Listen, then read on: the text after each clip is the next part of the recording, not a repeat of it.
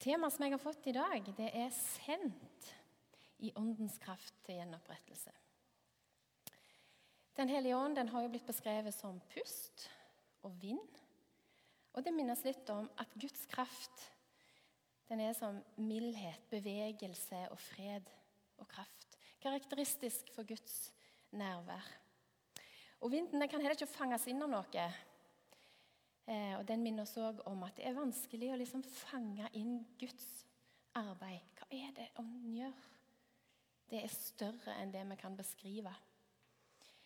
I Det gamle testamentet så ga Den hellige ånd folk kraft til spesielle oppgaver til spesielle tider.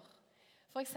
i 4. Mosebok kapittel 11 så gikk skal jeg lese litt fra kapittel 11. Så gikk Moses ut og fortalte folket hva Herren hadde sagt.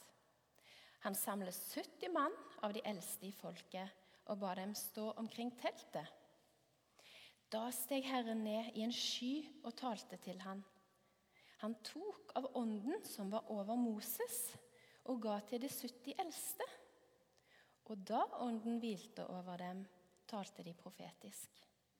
Men de fortsatte ikke med det. Og I Det gamle testamentet så gav Gud folk visdom via Den hellige ånd. De fikk jo ideer og innsikt og visshet om ting som de ellers ikke kunne hatt. Og Den hellige ånd hjalp de å spre Guds ord. Og Den hellige ånd den kom også over folk som skulle ha spesielle lederoppgaver, sånn som f.eks. Gideon, som skulle lede israelittene. Bare en sånn liten ting å merke seg der, det at Gideon han ba faktisk Gud om å bekrefte det han allerede hadde sagt. Så husk det når du tviler. Det er en god gudstjener som har tvilt litt før deg. Og Å bli salva med olje det var også et tegn på at man hadde fått Den hellige ånd over seg. Og når Den hellige ånd kom over personer i Bibelen, så tok han ikke vekk talentet deres. Han overkjørte det ikke helt, det ble ikke en helt annen person. Men han oppfylte det. Jo mer fylt av Ånden de ble, jo bedre ledere ble de, jo bedre konger, jo bedre prester og profeter. Men Gud lova en gang i Det gamle testamentet at han ville utøse sin ånd over alle. Og Jeg leser fra Joel kapittel 3. En gang skal det skje at jeg øser ut min ånd over alle mennesker. Deres sønner og døtre skal profetere, og de gamle skal drømme drømmer, og de unge skal se syn. Og selv over slaver og slavekvinner vil jeg i de dager øse ut min ånd. Og ved pinse i Det nye testamentet ble ånda øst ut til disiplene og til oss alle, sånn at vi sammen i fellesskapet skulle fortsette Guds arbeid. Og I apostelgjerningene 1,8 så står det men dere skal få Den hellige ånd. Eh, men dere skal få kraft når Den hellige ånd kommer over dere, og dere skal være mine vitner i Jerusalem, og hele Judea, i Samaria og helt til jordens ende. Men hva er, vil det egentlig si å være sendt? Som kristne så har vi fått Den hellige ånd. Det står at eh, vi er Guds tempel, og at Guds ånd bor i oss.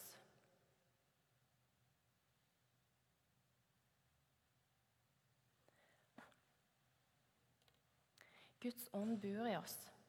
La den flammen være et symbol på det. Og det er Den hellige ånd som bemyndiger oss og styrker oss i oppdraget, i Guds misjon.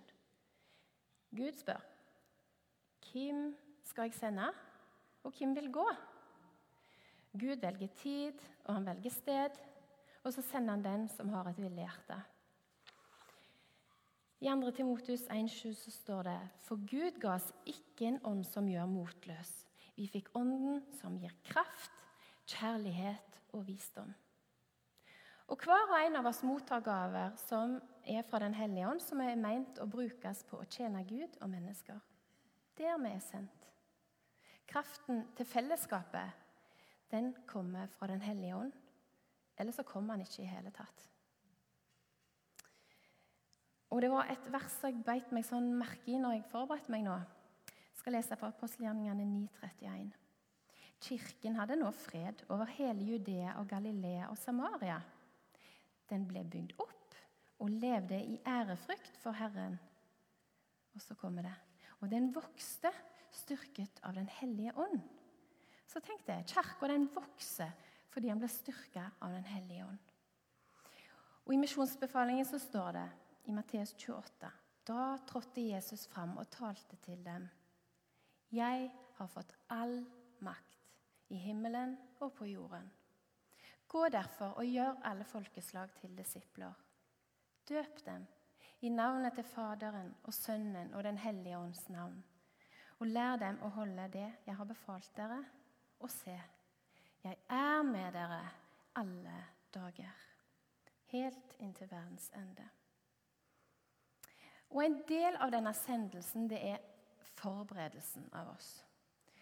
Og Det skjer med at vi gir plass til Gud i livet vårt. Gi plass til Han i hjertet, der vi har våre djupeste ønsker og våre djupeste lengsler. Og I 2. Korinterbrev 3,18 så står det Og vi som uten slør for ansiktet ser Herrens herlighet som i et speil. Vi blir alle forvandlet til dette bildet, fra herlighet og til herlighet. Og dette skjer ved Herrens ånd.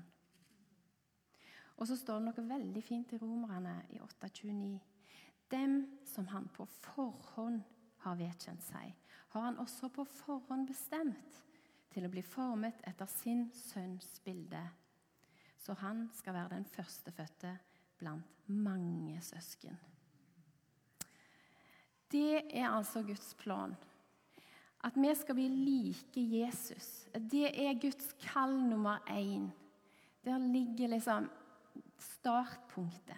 Vi skal la oss bade i Den hellige ånd, i Jesus, i Gud, hans nærvær. Ta inn hans ord, hans forkynnelse, sang, fellesskapet blant kristne. Der er du kalt til som nummer én. Og Vi blir ikke fullt ut de vi skal være. Vi blir ikke nett lik Jesus, vår bror.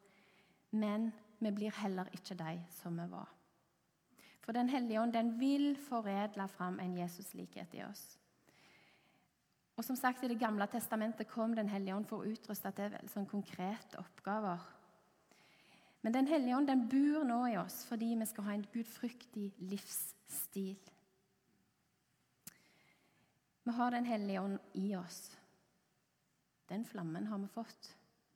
Og som en taler sa en gang, nå er det på tide vi begynner å oppføre oss som om vi har Den hellige ånds kraft i oss.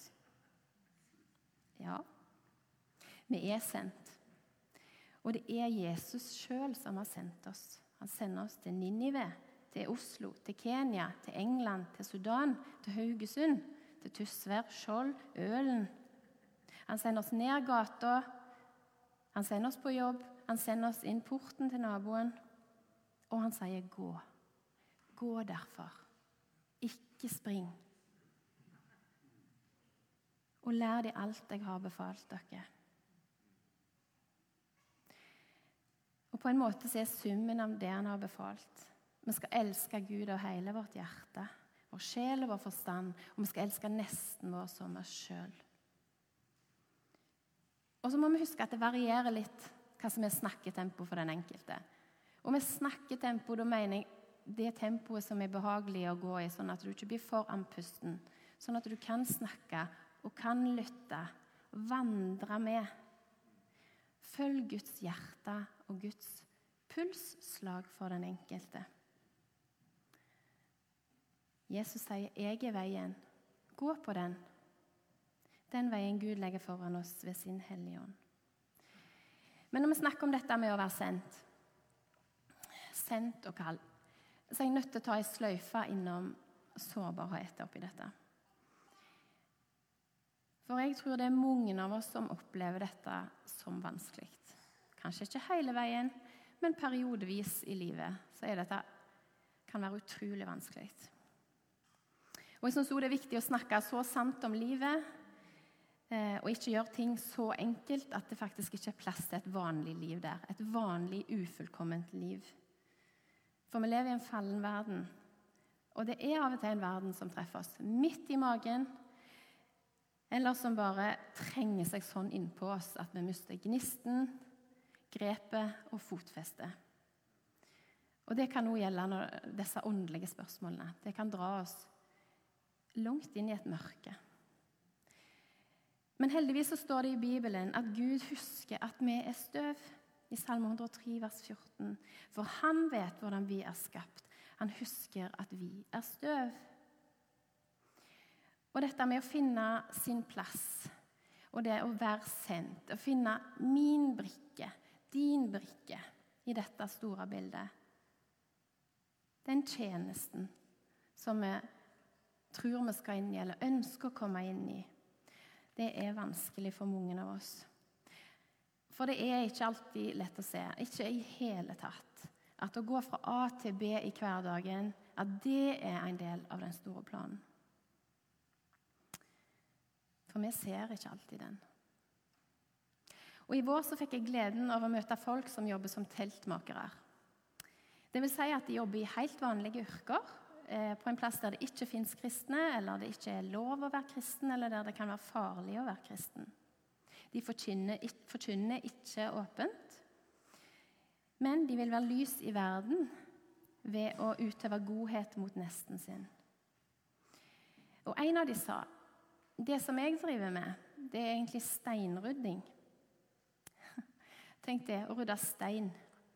For de av dere som vet litt om jordbruk, så eh, vet dere at det er stadiet før man kan så. Eh, og jeg tror ikke at det tradisjonelt er et yrke som man ønsker seg. Jeg hører iallfall veldig veldig sjelden at noen sier at jeg vil bli steinrydder. Eh, men det er sånn at vi må rydde stein for å berede grunnen. Eh, og hvis vi hadde en håndsopprekning her der jeg spør hvem vil pløye marka, hvem vil rydde stein, hvem vil vatne, og så hvem vil så, og hvem vil høste tipper jeg kanskje at steinrydding det var ikke den som kom øverst på den statistikken over drømmejobben. Og Sånn tror jeg det er for mange av oss, at vi ofte føler at vi er på leit. Og det er helt sikkert Jeg bare tipper det er noen som vil kjenne seg igjen i sånne tanker som at eh, Nå skal det skje. Nå. Nå bare føler jeg det, liksom. Nå ser jeg planen brette seg ut. Nå skal vi være med på noe spennende, og endelig så skal vi få se noen som tar imot Jesus. At menigheten bare skal øke, liksom, som den surdeigen. Brette seg ut. At det skal bli et kraftsenter. Og dette er så vanskelig. Det kan være utrolig slitsomt, altoppslukende, irriterende og skuffende. Og du skal vite at hvis du føler det sånn, så er du ikke alene. Og jeg, jeg, tenker at vi må bare erkjenne. Og jeg sier til meg sjøl òg du må erkjenne henne. Gud, han er større enn deg. Du er ikke Gud. Nei, han er større enn meg. Og jeg syns de er fine, de ordene i Jesaja 55 fra vers 8. For mine tanker er ikke deres tanker, og deres veier er ikke mine veier, sier Herren. Som himmelen er høyt over jorden, slik er mine veier høyt over deres veier, og mine tanker høyt over deres tanker. Men du kan se for deg en stor bukett med tulipaner. En skikkelig fargerik, flott, frodig, frisk bukett med tulipaner. Står der i vasen, de strutter opp og gleder seg, disse tulipanene. Og så plutselig så ser du en eller annen som bare og henger han over kanten der. Og det er så typisk med tulipaner. Alltid en eller annen på kanten, så Og sånn tror jeg det er litt med oss òg. At vi blir av og til litt sånn motløse. Vi henger litt, og så lurer vi på hvorfor bærer det ikke frukt, dette vi holder på med. Hvorfor skjer det så lite? Hvorfor er det ingen andre som ønsker å bruke tid på dette her? Hvorfor er det så grått? Hvorfor er det så lite engasjement, egentlig? Vi kan bli så motløse. Og dette ut av flokken og bli litt sånn nedbøyd. Ut av den buketten. Når vi var i Kenya i vår, så var vi en tur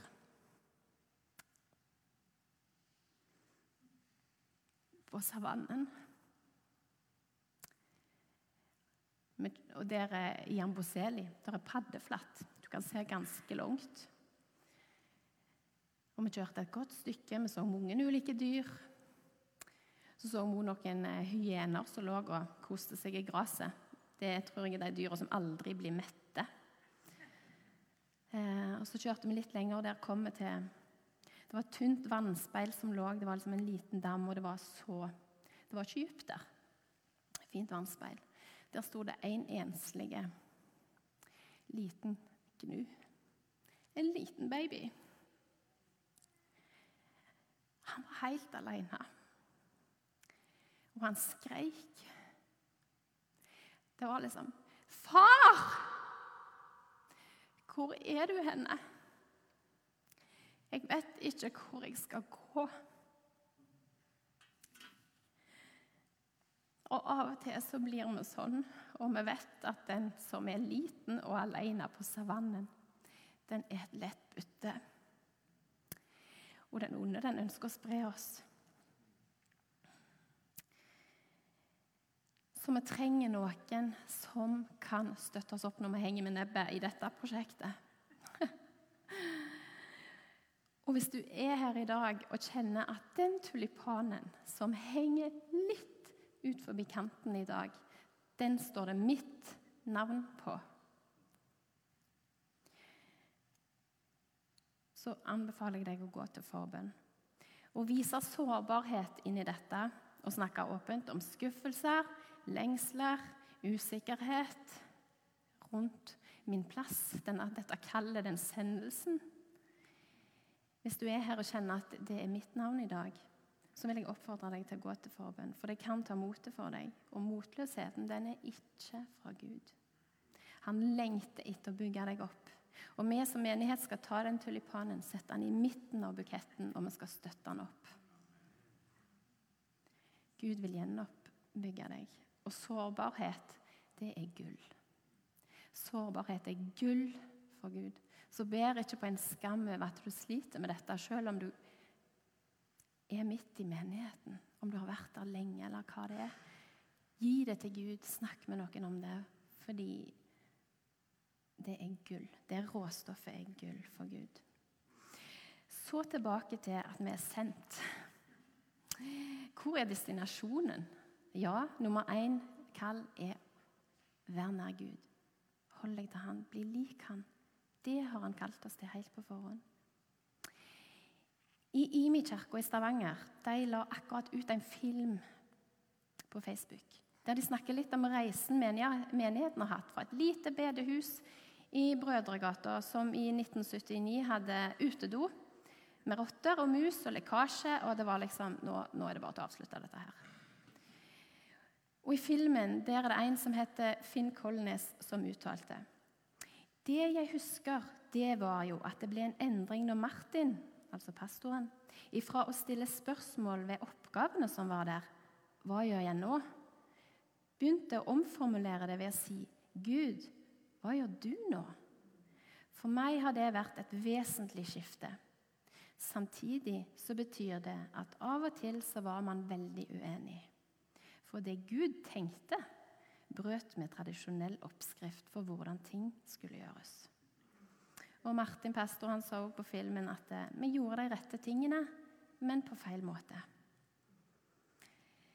Og jeg tenker vi må, vi må se på Jesus. For hva var det han gjorde? Jo, vet dere, Jesus han så på sin far og gjorde det han gjorde. Johannes 5, 19. Jesus tok til orde og sa til dem, sannelig, sannelig, jeg sier dere, sønnen kan ikke gjøre noe av seg selv, bare det han ser sin far gjøre. Og det far gjør, det gjør også sønnen. Så hvis Jesus trengte å se på Gud for å vite hva han skulle gjøre, hvor mye mer må ikke vi se på hva Den hellige ånd gjør blant oss? Hvor er det han jobber nå? Vårt første fokus når vi vil være med Gud på hans oppdrag, det er å se hvor han allerede jobber. Og Da mener jeg ikke sånn fysisk han står og spar i en hage nede i veien her, men hvor er det han jobber liksom i hjertene? For Den hellige ånd den bereder, og den jobber i folks hjerter. Og Gud, han går foran oss. Altså, Vi er kalt til å være etterfølgere. Så hold blikket festa på den ryggen, og løft blikket og vit at Gud He's got your back, som de ville sagt på film. Og Det betyr ikke at vi har så helt tull og vas og så sier vi at ja, ja, Gud fikser det. Men når vi følger Gud, når vi følger han, følger etter han, så vil han ta imot oss. Han vil trøste oss, og han vil være fjellet som står der når vi faller. Som vi kan falle på. For det er nemlig Den hellige ånd som er sjefsregissøren i misjonshistorien. Misjonen den består av de ting som Den hellige ånd gjør i verden. Og den gode nyheten det er at det er ikke vi som skal gjøre Guds jobb, men vi skal få bli med Gud på jobb. Finn ut hva Gud velsigner, og gå dit. Når vi har Den hellige ånd med oss, er arbeidsfordelingen sånn. Noen planter, noen vatner, men Gud gir vekst. Og takk og lov for det, for det hadde jeg ikke ant hvordan jeg skulle gjøre. Og det står i 1. Korinter 3,6.: Jeg plantet, Apollos vannet, men Gud ga vekst. Det er Den hellige ånds verk å skape tru og la Guds forsamling vokse. Men hva er vi for sendt for å gjøre? Vi er sendt til å forkynne et budskap til gjenopprettelse. Og I Lukas 46 så står det Og han sa til dem, slik står det skrevet. Messias skal lide og stå opp fra de døde tredje dag. Og i hans navn skal omvendelse og tilgivelse for syndene forkynnes for alle folkeslag. Dere skal begynne i Jerusalem. Dere er vitner om dette. Og se, jeg sender over dere det som min far har lovet. Men dere skal bli i byen til dere blir utrustet med kraft fra det høye i hans navn skal omvending og tilgivelse for syndene forkynnes. Gjenopprettelse av mennesket og menneskets relasjon med Gud. Og Den hellige ånd skal utruste oss med kraft. Nå skal dere se for dere noe. Dere skal se for dere at jeg gir dere ei oppgave. Haugesund misjonskirke. Dere skal alle sammen få utdelt hver deres lys. Det skal tennes, og dere skal bevege dere fra misjonskirka, fra dette bygget her, og ned til et bygg lenger ned i veien. Vi kan si som et eksempel til barnehagen. Alle kan bare ikke storme ut døra samtidig. Det er fysisk umulig. Så mange kommer ikke ut den døra samtidig. Men målet er å komme ned til bygget her nede med alle lysene tent. Vi skal ha alle lysene med oss, og de skal være tent når vi kommer inn i bygget der nede. Det vil sannsynligvis funke veldig dårlig å bare spurte ned der. Da vil det sannsynligvis slokne veldig fort. Eh, og sannsynligvis så vil vi kanskje trenge å hjelpe hverandre og beskytte hverandre sine lys. Det vil kanskje redde flere lys, kanskje alle. Men oppgaven slutter ikke med det. Dere skal òg få med dere flest mulig folk på veien, frivillig inn i bygget der nede. Og så se for dere ut forbi her så er det òg mange folk som bærer på et lys. Noen har et lys som er tent. Noen har en flamme som kjemper i vinden.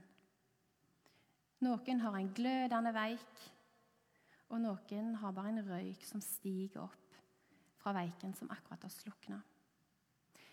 Noen holder lyset i hånda, og noen har gjemt det godt på innerlomma. Noen har aldri hatt fyr på det lyset. Dette er folkene som dere treffer på veien. Men de bærer alle et lys som de har fått med seg fra begynnelsen av. En lengsel. Her er det ikke spurt som teller. Ikke sololøp, ikke egoisme, ikke kjølighet. Det er ild som skal tenne ild.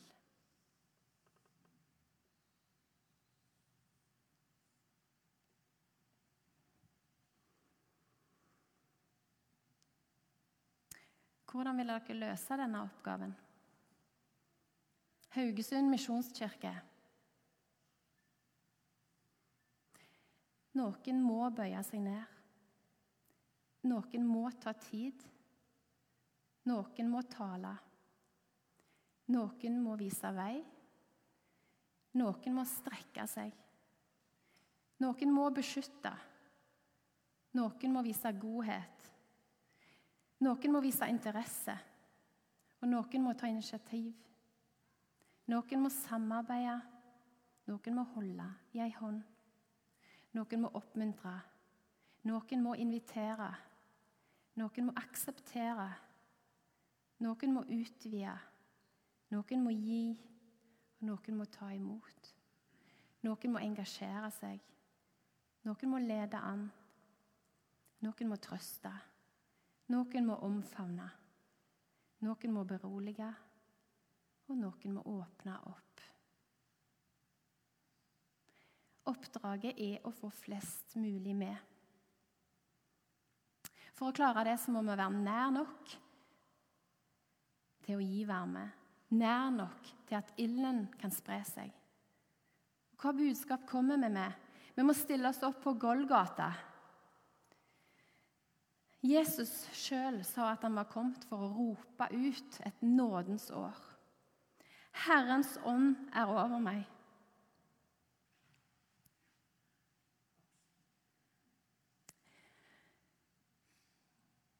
For han har salvet meg til å forkynne et godt budskap for fattige. Han har sendt meg for å rope ut at fanger skal få frihet, og blinde får synet igjen. For å sette undertrykte fri og rope ut et nådens år for Herren. Dette er nådebudskapet vi skal ha med oss. Det er det budskapet om den ekstreme kjærlighetshandlingen. Offeret av Guds egen sønn for hver den som du møter på vei over gata. Det er budskapet som skal gjenopprette vår relasjon til Jesus, som er kjernen i flammen. Vi skal ikke stille oss opp og si nei og rope et bud og krav, men det er budskapet om nåde. For det er bare av nåde. Og det fins ingen som er for dårlig for Jesus. Og nåden er stor nok for oss alle, for i håpet er vi frelst. Og det er Den hellige ånd som har den kraften til å gjenopprette, sette i stand, skape orden ut av kaos og bringe frelse inn i menneskers liv. Og dere vil få et lys med dere ut døra her i dag. Og husk at det lyset skal holdes tent. Det skal holdes tent for deg, men det skal òg brukes til å tenne nye flammer. Og det er kjærlighetens flamme. Det er den som brenner, og det er den som du bærer med deg i hjertet. Og det er den som du har i dine hender. Gi den videre. Du trenger ikke gå lenger enn til den første du møter på parkeringsplassen. For Gud han lager fest for den ene. Og la alle bli like viktige i dine øyne, for alle er like viktige i Jesus sine øyne. Jeg er bondejente, og jeg har henta stein flere ganger. Og når jeg var liten, så likte jeg faktisk ekstra godt å ta de store, tunge steinene. Det var så vidt jeg klarte det, og måtte bruke alle kreftene og skitne meg skikkelig til. Når jeg klarte å få den opp i den tilhengeren bak traktoren, så syns jeg faktisk det var veldig stas. Og kanskje er vi av og til sånne som rydder stein, selv om vi nesten ikke aner hva vi driver med. Vi må berede grunnen. Vi kommer kanskje aldri til å se frukten. Kanskje heller ikke se de første frøene bli lagt i jord, eller treet stå i blomst. Og det kan være utrolig trasig, vondt og vanskelig å være der. Men jeg vil si deg, hold fast på det som du vet om Gud. Lev i takknemlighet og tilbedelse for det som Gud har gjort for deg. Har Gud noen gang tapt et slag? Ikke som jeg vet. Og når Per Arne Dahl var her og sa at eh, fortalte om sitt møte med bilselgeren som sa at 'Hvordan er det å selge et produkt som ingen vil ha?' Da kjente jeg, jeg kjente nesten jeg ble litt provosert, og kanskje litt, nesten litt motløs. Men så tenkte jeg har Gud noen gang tapt et slag? Har jeg lest det? At det, nei, der gikk det helt i vasken med den planen? Nei, det har jeg faktisk ikke. Eh, og det er en bibelsk sannhet at alle Verden tok ikke imot ham. Han kom til sitt eget, og hans egne tok ikke imot ham. Så mange vil ikke ta imot. Det står i Johannes 3, 36. Den som tror på Sønnen, har evig liv. Den som er ulydig mot Sønnen, skal ikke se livet, men Guds frede er og blir over ham. Men det er like fullt en bibelsk sannhet at Gud har fått all makt på himmel og på jord. Og Herren forkaster ikke sitt folk og forlater ikke sin eiendom. Salme 94, 14. Så mist ikke motet. Jeg husker en gang jeg kom opp til min far. Eh, han er bonde. Og han var i ferd med å klargjøre til såing. Han hadde pløyd, plukka stein, gjort forarbeidet, og nå hadde han helt masse nye frø oppi kammeret på maskinen. Millioner av gylne frø lå i det kammeret. Og han tok ei hånd ned i det kammeret, løfta han opp og lot frøa bare gli mellom fingrene. Det er noe hellig over dette såkornet, sa han til meg. Og det er det dine små korn som så umerkelig og stille bare glir mellom fingrene dine. Og faller til jord. Det er noe hellig over det. Så tenk ikke for lite om det du gjør, den du er, ditt bidrag og dine små korn. I Forkynneren 11,6 så står det Så ditt såkorn om morgenen, og la ikke hånden hvile mot kveld. Du vet jo ikke hva som vil lykkes, det ene eller det andre, eller om begge deler er like gode. Og I Lukas 13 så står det Så sa han, hva er Guds rike likt, og hva skal jeg ligne det med? Det er likt et sennepsfrø som en mann tok og sådde i hagen sin. Det vokste og ble til et tre, og himmelens fugler bygde rede i greinene.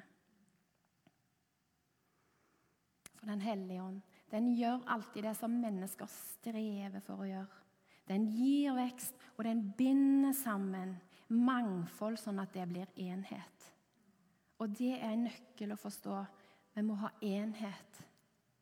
Enhet blant kristne ikke enighet og likhet, men enhet. Vi blir ett i ånden, til tross for at vi representerer et mangfold på så mange vis. Og det er en evne som Den hellige ånd har. Gud er den som gjenoppretter, skaper liv. Og Den hellige ånd har en enorm kraft som bringer nytt liv. Og I Esekiel 37, 37,5 så står det Så sier Herren Gud til disse knoklene. Se, jeg lar det komme ånd i dere, så dere blir levende. Den hellige ånd avslører. Det er ånden som overbeviser om synd. Den jobben skal han få gjøre. Og når han kommer, skal han gå i rette med verden og vise den hva synd er, hva rettferdighet er, og hva dom er. Synden er at de ikke tror på meg. Den hellige ånd lærer og gjør det mulig for en ikke-troende å bli overbevist om sannhet. Misjon er ikke mulig uten Den hellige ånd. Uten Den hellige ånd vil folk ikke få en tørst etter sannheten og etter Gud. Og uten Den hellige ånd så kan vi ikke erfare Guds forvandlende kraft. Utviklingen mot å bli lik Jesus. Det er heldigvis Gud som har søkt oss. Og han inviterer oss til å være med på hans oppdrag. Du er elska. Du er ønska og du er sendt. Å dele Guds visjon, det er å drive misjon. Og må vår bønn bli La det som er viktig for deg, bli viktig for meg. Kolosserne 3,23. Alt arbeid skal dere gjøre helhjertet, for det er Herren og ikke mennesket dere tjener.